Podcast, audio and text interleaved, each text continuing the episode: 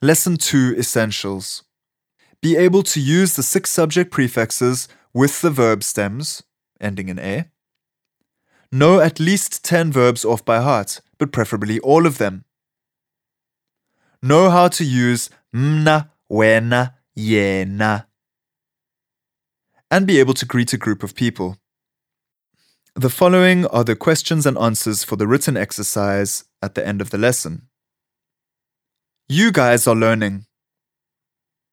Niyafunda. Yes, we are learning well. Ewe, sifunda kakuhle.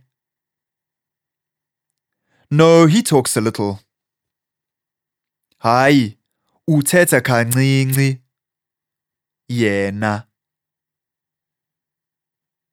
Myself I am trying. Mna ndiyazama. As for her, she is going home. Yena uyagoduka. If she was leaving work, people would say Yena uyatshayisa. Thanks, we are grateful. Enkos, siyabulela.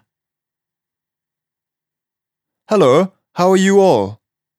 Molweni, ninjani? We are well, thanks. How are you? Siphilile enkos, unjani wena?